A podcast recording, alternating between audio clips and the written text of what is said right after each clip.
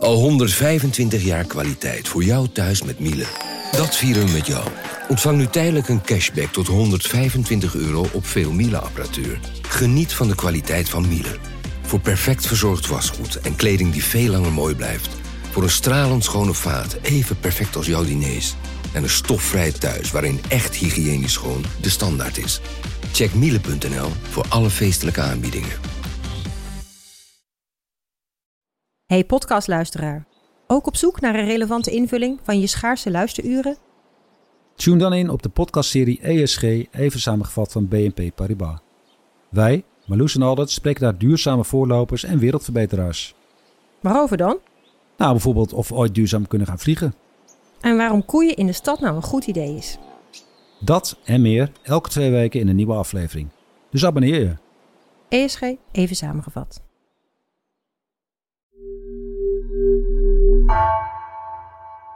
Vanaf de redactie van NRC vertellen we je elke dag het verhaal van vandaag. Deze week laten we de voorpagina's even los en hoor je verhalen die je de hele zomer kunt luisteren. Dit is de zomer van vandaag. Mijn naam is Floor Boon.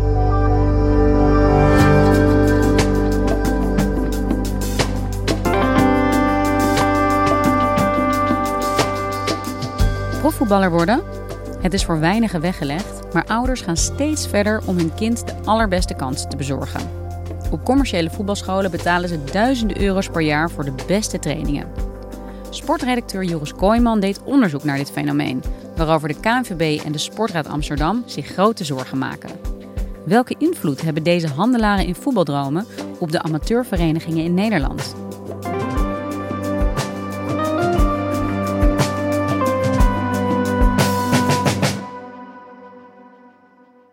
Hey, dus jij bent Marinho? Ja, Ja, hoe oud ben je ik eigenlijk? ben 14 jaar. 14 jaar. En eh, hoe oud was je toen je ging voetballen? Eh vier jaar was toen, eh, toen begon ik met voetballen.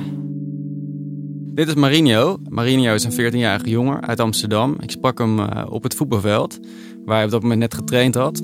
En eh Marinho is een eh, fanatieke voetballer. Bijvoorbeeld goed eten, ehm, vroeg naar bed voor de wedstrijd.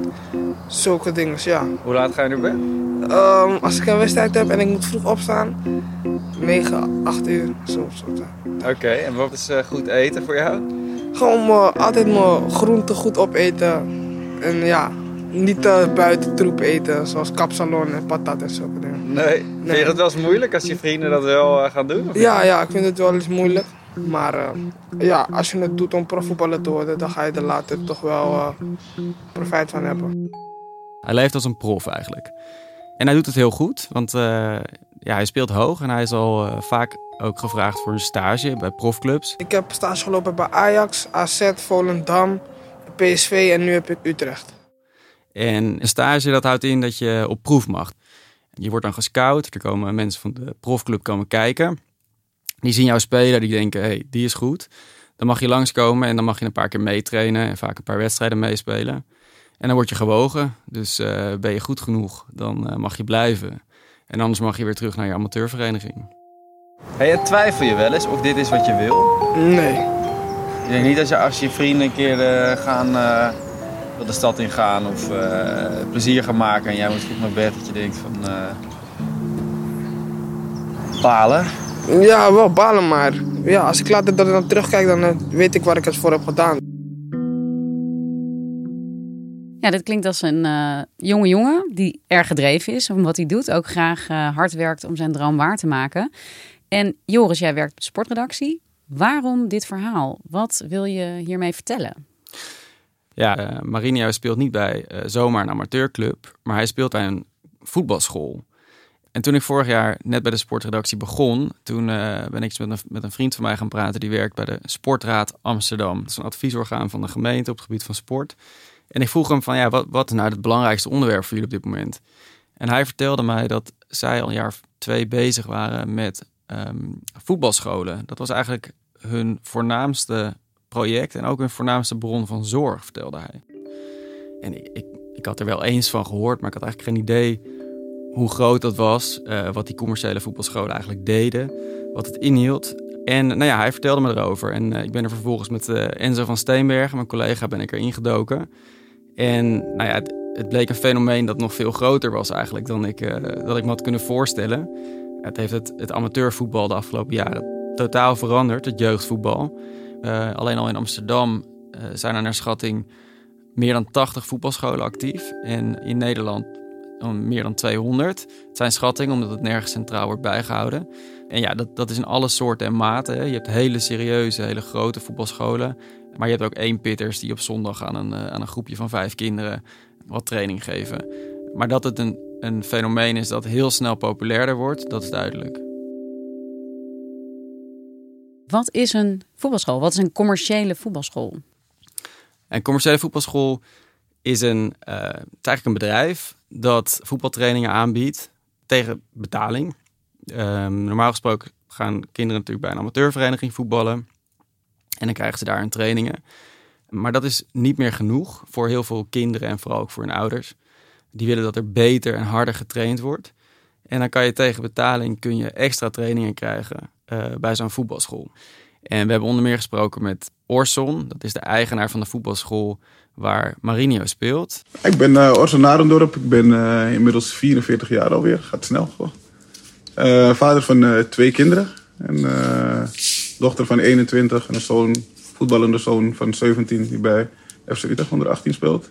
En hij vertelde aan mij dat hij, hij komt uit Amsterdam en hij ging met zijn zoontje naar een voetbalclub in West. Toen, toen werd hij vier en toen dacht ik van, nou, hij vindt voetballen best wel leuk. Hè. Niet pushen, maar ja, hij deed alles met een bal. Het werd gek als er geen bal in de buurt was. Ja. Dus nou oké, dan gaan we proberen om jou bij een voetbalclub te krijgen. En toen kwam probleem 1. Bij welke voetbalclub?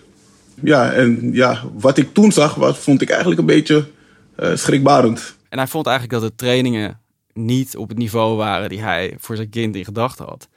En blijkbaar vinden heel veel ouders dat. Alleen Oorston heeft, uh, die had zelf heel veel met voetbal. Dus die heeft bedacht, dan ga ik zelf een voetbalschool beginnen. En dan gaan we het helemaal anders doen. Zodat we die jongens in ieder geval, ook al maakt niet uit welke club je ze zet... dat we ze in ieder geval ja, die begeleiding kunnen bieden die wij uh, denken dat ze nodig hebben. En als ik jou zo hoor, Joris, dan is het dus ook heel erg ontstaan vanuit uh, ja, onvrede van ouders in ieder geval over de kwaliteit van amateurclubs. Ja, er is heel veel vraag naar die commerciële voetbalscholen. En uh, die komt in eerste instantie natuurlijk van de ouders. Zeker als het om jonge kinderen gaat. En die zijn blijkbaar niet meer tevreden over wat ze bij veel amateurverenigingen uh, aantreffen. En wat is dan het doel daarvan? Is het doel alleen maar jongeren en kinderen begeleiden naar de topsport? Ja, dat is wel voor heel veel ouders en voor kinderen zelf, wat wij gehoord hebben, is dat toch wel de droom. En dat merk je ook aan hoe die commerciële voetbalscholen zichzelf verkopen. Het is, ze stellen zichzelf voor als de brug naar de profclub. Kom naar ons, dan, uh, dan kom je, krijg je en goede training en je vergroot daarmee je kans dat je, dat je profvoetballer kunt worden. Die droom hangt er heel erg boven je. En dat hoorde ik ook in gesprekken die ik voerde met uh, ouders langs de lijn bij de training van Marinho. Maar als je heel eerlijk bent, elke ouder wil natuurlijk dat zijn kind een stapje maakt. Ja, het stapje naar... Iets hoger. Maar ik heb wel in uh, dit seizoen dat ik hier nu zie alleen maar progressie gezien bij mijn zoon. Dus het werkt wel. Maar het ligt echt aan je kind zelf. Hoe graag wil je? En hoe graag wil je? Ja, wel heel graag. Wel heel graag. Je moet hard werken, wil je iets bereiken. Zo simpel is het. Met alles zo. Kijk, wat je erin stopt, haal je eruit. Doen ze ook beloftes? Ja, zo expliciet zul je ze denk ik niet tegenkomen. Wij maken nooit beloftes. Nee. Het enige wat wij doen, eh, wij proberen het beste uit je kind te halen. Maar in de praktijk wordt die belofte wel degelijk gedaan, op zijn minst gesuggereerd. En dat zie je bijvoorbeeld aan, uh, als je kijkt, hè, ze maken allemaal gebruik van sociale media. Al die voetbalscholen. En heel veel houden een zogeheten uh, wall of fame bij. En daar worden dan uh, alle fotootjes van kinderen opgezet die een stage hebben verdiend bij een profclub. En soms kom je ook diezelfde kinderen en diezelfde stages op meerdere sociale mediakanalen tegen. Hè, dus van verschillende voetbalscholen. Want dat zijn er jongens die bij verschillende voetbalscholen trainden. Er zijn er genoeg die niet bij één voetbalschool trainen, maar bij meerdere. En uh, nou ja, dat succes wordt dan natuurlijk ook uh, breed geclaimd, zeg maar. En als we het dan even hebben over uh, profvoetballer worden en uh, hoeveel mensen dat worden. Wat, ja, wat is de kans daarop dat jij als jonge speler uh, straks in een eredivisie-team belandt? Ja, dat hangt natuurlijk heel erg af van hoeveel talent je hebt. Um, maar voor amateurvoetballers, dus spelers die nog niet bij een profclub zitten, is die kans sowieso nihil eigenlijk. Maar zelfs als je bij een profclub komt, ja, er zijn niet heel actuele cijfers over. Want er is wel onderzoek naar gedaan hoor, ook in, in andere landen wel. Maar de schattingen lopen wat uiteen. Ik geloof dat er, als je bij een profclub komt, afhankelijk van welke leeftijd dat is, heb je een procent of twee tot vijf kans uh, dat je überhaupt profvoetballer wordt. En concreet, hoeveel betaal je dan als ouder bijvoorbeeld om jouw kind een jaar bij zo'n voetbalschool te laten trainen? Ja, dat is dus ook weer helemaal afhankelijk van hoe intensief uh, het pakket is dat je bestelt voor je kind. Maar de duurste voetbalschool in Amsterdam, daar betalen ouders voor een jaar 2100 euro. Dan heb je wel echt een waanzinnig intensief uh, pakket aangeschaft. Ja, maar dan betaal je ook 2100 euro. Maar dan betaal je ook 2100 euro. In de praktijk zal het vaker uitkomen, zo rond de 1000 tot 1500 euro per jaar. Ja, het doet me ook een beetje denken aan uh, die commerciële bijlessen. Die uh, kinderen uit het reguliere onderwijs, waarvan ouders vinden dat ze daar niet genoeg krijgen. En dat dan elders uh, gaan inkopen. Ja, dat is een hele goede vergelijking, denk ik. Dat lijkt heel erg op elkaar. Met dat verschil dat middelbare scholen of basisscholen, het gaat vooral om middelbare scholen, denk ik, die hebben denk ik zelf nog niet zoveel last van de, uh, de bijlesaanbieders.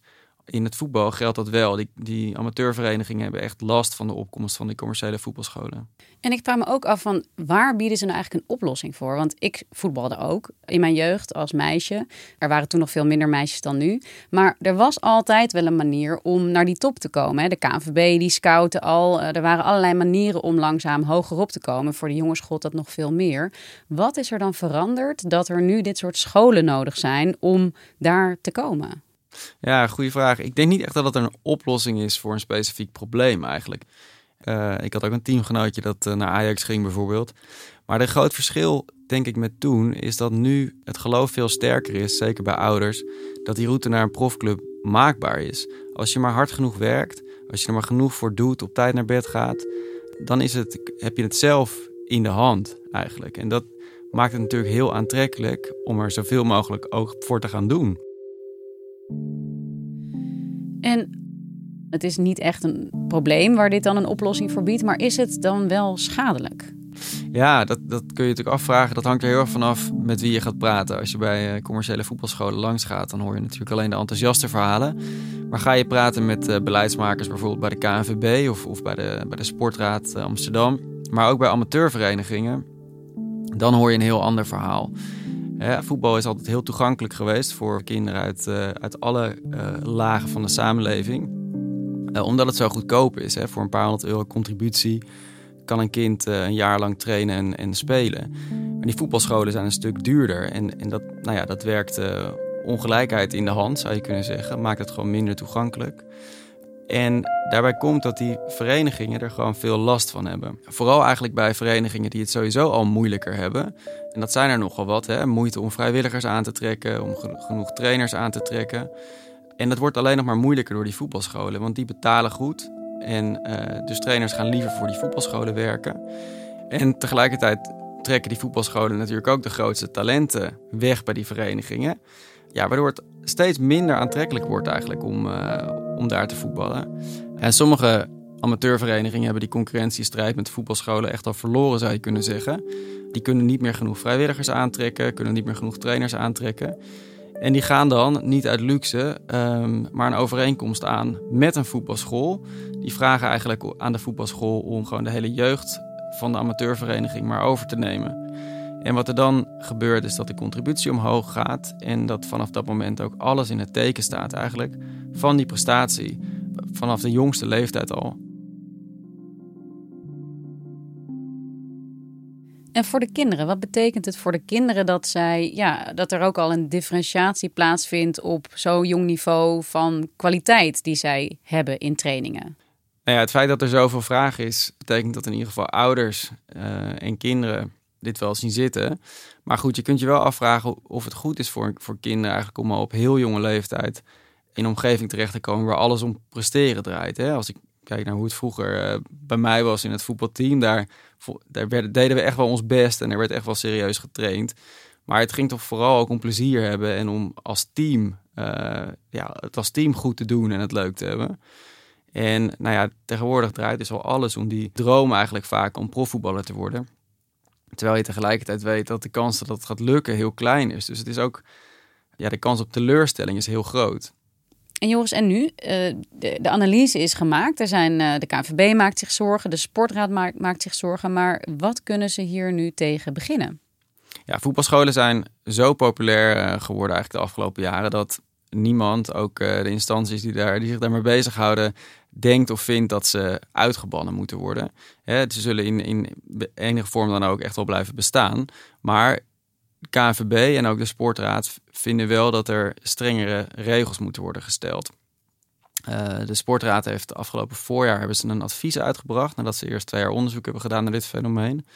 En zij zijn onder meer heel kritisch op de banden tussen profclubs en voetbalscholen. Hè. Profclubs scouten dus al op heel jonge leeftijd en doen dat vaak ook bij die voetbalscholen zelf. Ze hebben vaak goede banden met eigenaren van voetbalscholen. Uh, Ajax bijvoorbeeld uh, heeft heel nauw contact uh, met, met Orson, de voetbalschool waar de eigenaar van de voetbalschool waar Marinho speelt. En ze komen daar gewoon op vier, vijfjarige leeftijd soms al scouten, vertelde hij. Vanaf wanneer ze eigenlijk al een beetje een balletje kunnen trappen, dan houden ze in ieder geval al in de gaten van oké, nou, hou, hou rekening met een uitnodiging volgend jaar. En dat is dan al, zijn ze vijf, zes jaar. En de sportraad is daar heel kritisch op. Enerzijds omdat er gewoon heel veel bewijs is dat dat jong scouten uh, niet werkt. Hè. Je kunt op jonge leeftijd heel moeilijk inschatten wat de potentie is van een kind. Maar anderzijds omdat kinderen gewoon al veel te jong dus in een uh, omgeving terechtkomen waar alles om presteren draait. En de sportraad vindt dat ongezond. En als we dan even kijken naar die praktijk straks. want het klinkt alsof er in ieder geval mensen zijn die nu vinden dat er iets moet gebeuren. Die zeggen er moeten meer regels komen. Maar kunnen ze die regels ook gaan afdwingen? Nou, je kunt natuurlijk als gemeente, maar ook als eh, KNVB kunnen ze echt wel, uh, echt wel wat regels stellen. Um, voor amateurverenigingen bijvoorbeeld, de, de, trainers die daar actief zijn, die moeten een verklaring omtrent gedrag overleggen. Nou, dat zou je ook, een, uh, dat zou je ook aan voetbalscholen kunnen vragen. Je kunt, zoals de sportraad voorstelt, eisen dat er op zijn minst een inschrijving bij de KVK is. Dat is nu lang niet altijd het geval. Er is dus ook helemaal geen toezicht eigenlijk op die voetbalscholen. Maar je kunt ook bijvoorbeeld kijken, zoals de sportraad voorstelt, naar het uh, systeem van opleidingsvergoedingen. Als nu een speler het profvoetbal haalt, dan krijgt de amateurclub daar een vergoeding voor. En nou ja, dat, dat klinkt op zich heel logisch. Alleen zegt de sportraad, uh, het werkt ook heel erg in de hand dat amateurclubs en voetbalscholen zich specifiek richten alleen maar op dat ene individu dat het misschien kan gaan redden. Want daar krijgen ze die vergoeding voor. Hè? Dus ook weer dat je alles in het teken stelt eigenlijk van die individuele prestatie. Dus zeggen zij, de sportraad, um, verdeel nou die opleidingsvergoedingen gewoon over alle clubs in het amateurvoetbal. Dan profiteert het amateurvoetbal alsnog van die speler die het dan redt. Maar ja, is de prikkel minder pervers zoals zij het zien. En om even terug te keren naar waar we begonnen, namelijk Marinho, die jij sprak. Um, hij deed meerdere stages, vertelde je, bij verschillende profclubs. Heeft het hem ook wat opgeleverd? Ja, toen wij hem spraken, toen had hij net een uitnodiging gekregen om bij eh, FC Utrecht op stage te gaan. En ik hoorde later van zijn vader dat hij, uh, nou ja, dat hij daar niet heeft gered. Nou heeft hij ook nog een kans gekregen bij Go Ahead Eagles. Maar nou ja, helaas is dat uh, ook niks geworden. Ja, dat zijn al behoorlijk wat stages die hij achter de rug heeft. Gaat hij het nog redden? Gaat hij profvoetballer worden? Ja, hij heeft natuurlijk uh, al, al, meerdere teleurstellingen te verwerken gehad. Maar iedere keer uh, ja, gaat hij toch weer uh, vol goede moed verder. En uh, Marinho geeft nog niet op. En, en maar ik bedoel, hoe ga je om met de teleurstelling? Want ik kan me voorstellen um, dat, dat het vervelend is om dat te horen. Ja, de eerste keren was het wel vervelend, maar nu denk ik gewoon van harder werken en dan kom ik er wel. Dankjewel Joris. Graag gedaan.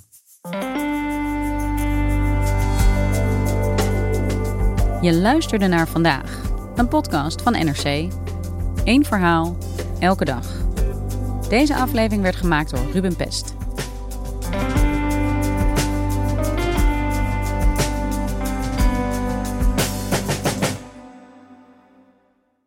Technologie lijkt tegenwoordig het antwoord op iedere uitdaging. Bij PwC zien we dit anders. Als we de potentie van technologie willen benutten, kunnen we niet zonder een menselijk perspectief. Human-led, tech-powered noemen we dat. Ga naar pwc.nl.